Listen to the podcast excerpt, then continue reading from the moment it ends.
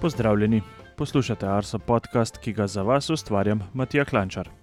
V današnji 115. epizodi Arso podcasta se bom spomnil vremenskega dogodka, ki je do dobra zaznamoval dogajanje ob koncu januarja in v začetku februarja pred točno desetimi leti. Na naš podcast se še vedno lahko naročite. Poiščete nas lahko v vaši najljubši podcast aplikaciji ali na Spotifyju, najdete pa nas tudi direktno na naši spletni strani. Če vam je podcast všeč, povejte še drugim. V stik z nami pa lahko stopite preko elektronskega naslova podcast.arso.afnago.si. Seveda smo prisotni tudi na družbenih omrežjih, kjer z veseljem delimo vaše slike, zgodbe ali se z vami pogovarjamo o vremenu. Na X-u smo Meteosi, na Facebooku, Instagramu in Threadsih pa nas najdete pod imenom Arso Vreme. Osrednja tema. Kot sem omenil že v uvodu, se bom danes vrnil v vremensko zgodovino. Preko vremenskega dogajanja bom podoživel konec meseca januarja in začetek meseca februarja, ko je večino Slovenije prizadel žled. Če vas zanima, kaj žled je, kako nastaja in kakšni vremenski pogoji so pomembni za nastanek, potem vas vabim k poslušanju 91. epizode Arso podcasta, kjer sem gostil Blaža Štera. Pa da se spomnimo kratke definicije, kaj žled je, na kratko ponovimo. Žled je zaledenela oblika padavin, ki se lepi na predmete in na zemeljsko površino. V primerjavi s poledico, ki se pojavi na tleh, torej žled nastane na drevju, električnih vodih in ostalih predmetih. Sedaj pa se vrnimo v čas pred desetimi leti. Za začetek prisluhnimo, kako je izgledala vremenska slika v obdobju tega ekstremnega dogajanja. Za vremensko dogajanje na območju Evrope je bil značilen velik kontrast med globokim ciklonskim območjem nad vzhodnim Atlantikom in deloma tudi nad Sredozemljem, ter izrazitim anticiklonom s središčem nad Rusijo. Razlika v zračnem tlaku med obema območjema je bila občasno tudi več kot 100 hektopaskalov. Na našem območju se je vedno znova obnavljala frontalna cona, saj sta se srečevala hladen zrak polarnega izvora v tanki prizemni plasti ozračja ter močan dotok toplega in vlažnega zraka v višinah iznad Severne Afrike in Sredozemlja. Takšna sinoptična situacija pomeni šolski recept za obilno sneženje, žled in poledico na južnem obrobju Alp.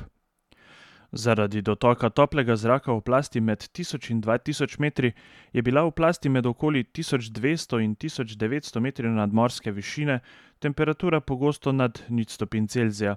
Toplejša plast je bila bolj izrazita na jugozahodu in vzhodu države, ter manj na severozahodu. Snežne padavine, ki so padale skozi plast pozitivnih temperatur, so se talile, niže je tako deloma deževalo. Dežne kaplje so se v hladnejši prizemni plasti podhladile, njihova temperatura je padla pod nič stopinj Celzija in ponekod tudi zmrznile.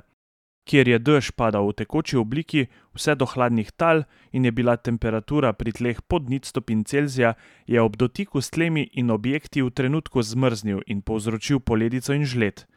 Ta pogoj je bil v notranjosti Slovenije izpolnjen tako rekoč povsod, na primorskem pa le ponekod v višjih legah, recimo na Trnovsko-Banški planoti.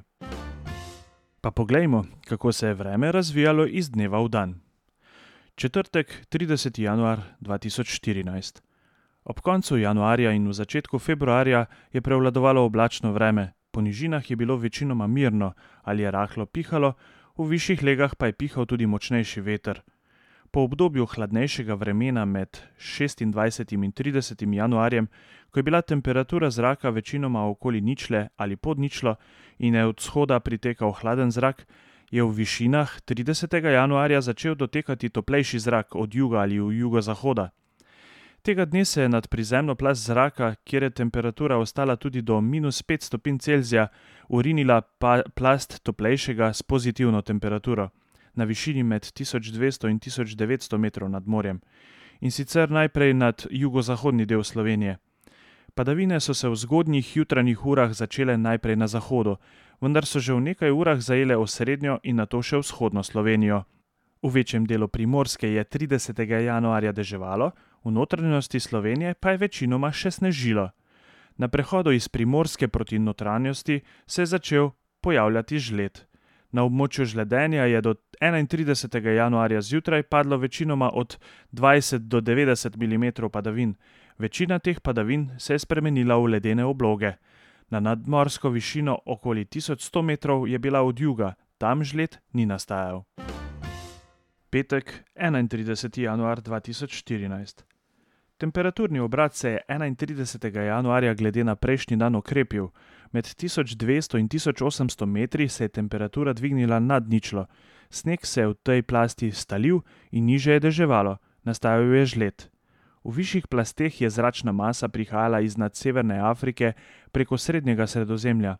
V padavinah je bil občasno prisoten tudi poščavski prah, pri tleh pa od vzhoda iz nad Panonske nižine. Padavine so se nadaljevale najbolj intenzivne so bile čez dan. Do jutra 1. februarja jih je bilo na zahodu ter v delu južne in severne Slovenije večinoma od 30 do 80 mm, v srednjem delu države manj, v vzhodni Sloveniji pa manj kot 5 mm. Večina padavin se je na podobnem območju kot prejšnji dan spremenila v žled. V srednji Sloveniji in vzhodneje je sneg prehajal v dež, a močnejšega žleda ni bilo, ponekod je bila temperatura tudi nad ničlo. Sobota, 1. februar 2014. V noči na soboto se je na vzhodu prehodno zjasnilo in jutro je bilo mrzlo s temperaturo zraka do okoli minus 5 stopinj Celzija. Ta ohlajena plast zraka je ostala tudi čez dan. V višinah se je toplejši zrak zajedel nad večji del Slovenije. V soboto čez dan so se padavine znova okrepile. Večinoma je deževalo ali pa je padal zmrznen dež. Žled je nastajal skoraj povsod po državi do nadmorske višine okoli 1100 metrov, na vzhodu je bilo padavin zgolj nekaj milimetrov in do močnejšega žledenja ni prišlo. Nedelja, 2. februar 2014. V nedeljo je od vzhoda še naprej dotekal hladnejši zrak. Med 1300 in 1900 metri je bila plast s pozitivno temperaturo zraka. Temperaturni obrat je bil izrazit, na 400 metrih razlike v nadmorski višini je bila temperaturna razlika 9 stopinj Celzija. Če je bilo na vzhodu padavin zgolj nekaj milimetrov, pa jih je bilo marsikje drugod do jutra veliko, okoli 100 mm v zgornjem posočju ter 30 do 50 mm v večjem delu Dinarske gorske pregrade in drugod v Alpah. Padavine so se na to nadaljevale do ponedeljka zjutraj. V nedeljo popovdne in zvečer je klin toplega zraka nekoliko oslabel in meja sneženja se je marsikje spustila do nižin. V večjem delu države je padlo še 10 do 50 mm padavin, največ v zahodni Sloveniji, a tudi v osrednji marsikje okoli 20 mm. Precejšnji delež padavin je, razen na primorskem, zmrznil v žled. Vremensko dogajanje od ponedeljka 3. do petka 7. februarja 2014.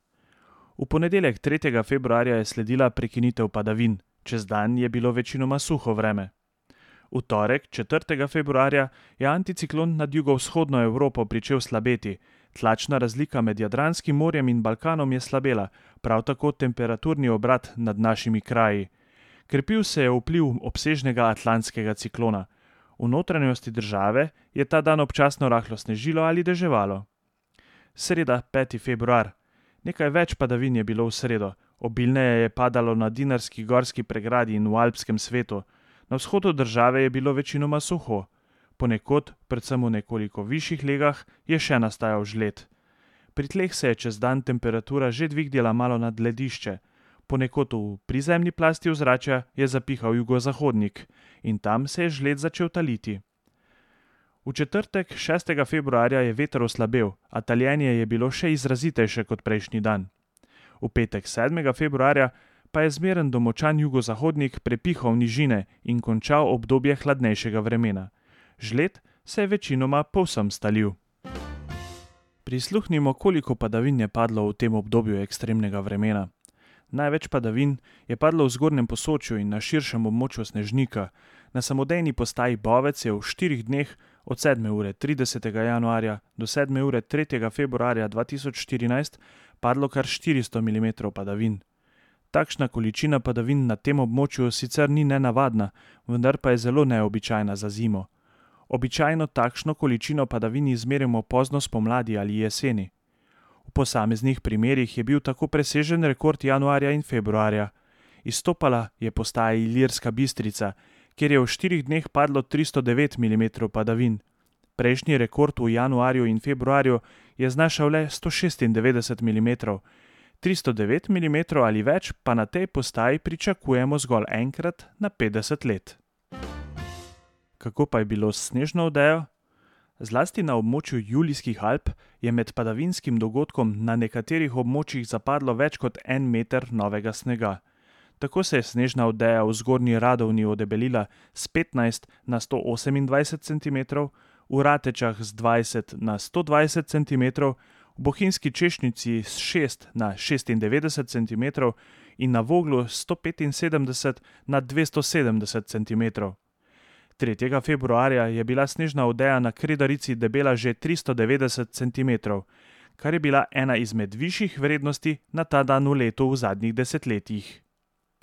Novo zapadli sneg je bil v posameznih plasteh zelo moker, tudi skorjast, tako da je snežna odeja zadržala večino padavin, tudi če so bile te vmes v obliki dežja. V alpskih dolinah se je tako močno povečala snežna obtežba, ki pa ni bila kritično velika, Podatki meteorološke postaje Rateče kažejo, da je vodnatost snežne odeje na travnatih tleh od 3. februarja naprej bila okoli 200 mm, obtežba je torej 200 kg na kvadratni meter. Takšna vrednost je običajna za višek snežne sezone. V preteklih desetletjih je vodnatost snežne odeje večkrat presegla 300 mm marca 1951 pa je bila najvišja vrednost verjetno med 500 in 600 mm. Za konec nekaj besed namenimo še gmotni škodi v tem obdobju ekstremnega vremena. Večja količina dežja, ki je marsikje zmrzoval v stiku s tlemi in na objektih, je privedla do obsežnega žledoloma. Na meteoroloških postajah Vrhnika, Logatec, Samotorica, na Stanu, Črni vrh nad Idrijo in Juršče so opazovalci poročali o pet in več centimetrov debelem žledu, ki je povzročil veliko gmotno škodo. Tudi iz številnih drugih postaj so javili o veliki gmotni škodi zaradi žleda. Debela plast ledu je pomenila preveliko obremenitev za marsikatero drevo in električni daljnovod. Na severozahodu je težave predstavljala tudi debela snežna odeja, na območju Ilirske bistrice pa je prišlo do poplav. Le na skrajnem jugozahodu in severovzhodu Slovenije opisano vremensko dogajanje ni povzročilo gmotne škode. Zelo redki pa so posamezni vremenski dogodki, ki povzročijo tako veliko gmotno škodo na tako velikem območju, kakor opisani. 115. epizodo Arso podcasta sem danes sam pripeljal do konca. Najlepša hvala tudi vam, drage poslušalke in poslušalci. Če vam je bila epizoda všeč, nam pustite kakšen komentar. V upanju, da bodo takšni ekstremni vremenski dogodki živeli le kot spomin v vremenskih poročilih in knjigah, pa vam želim obilo lepega vremena. Se slišimo čez 14 dni.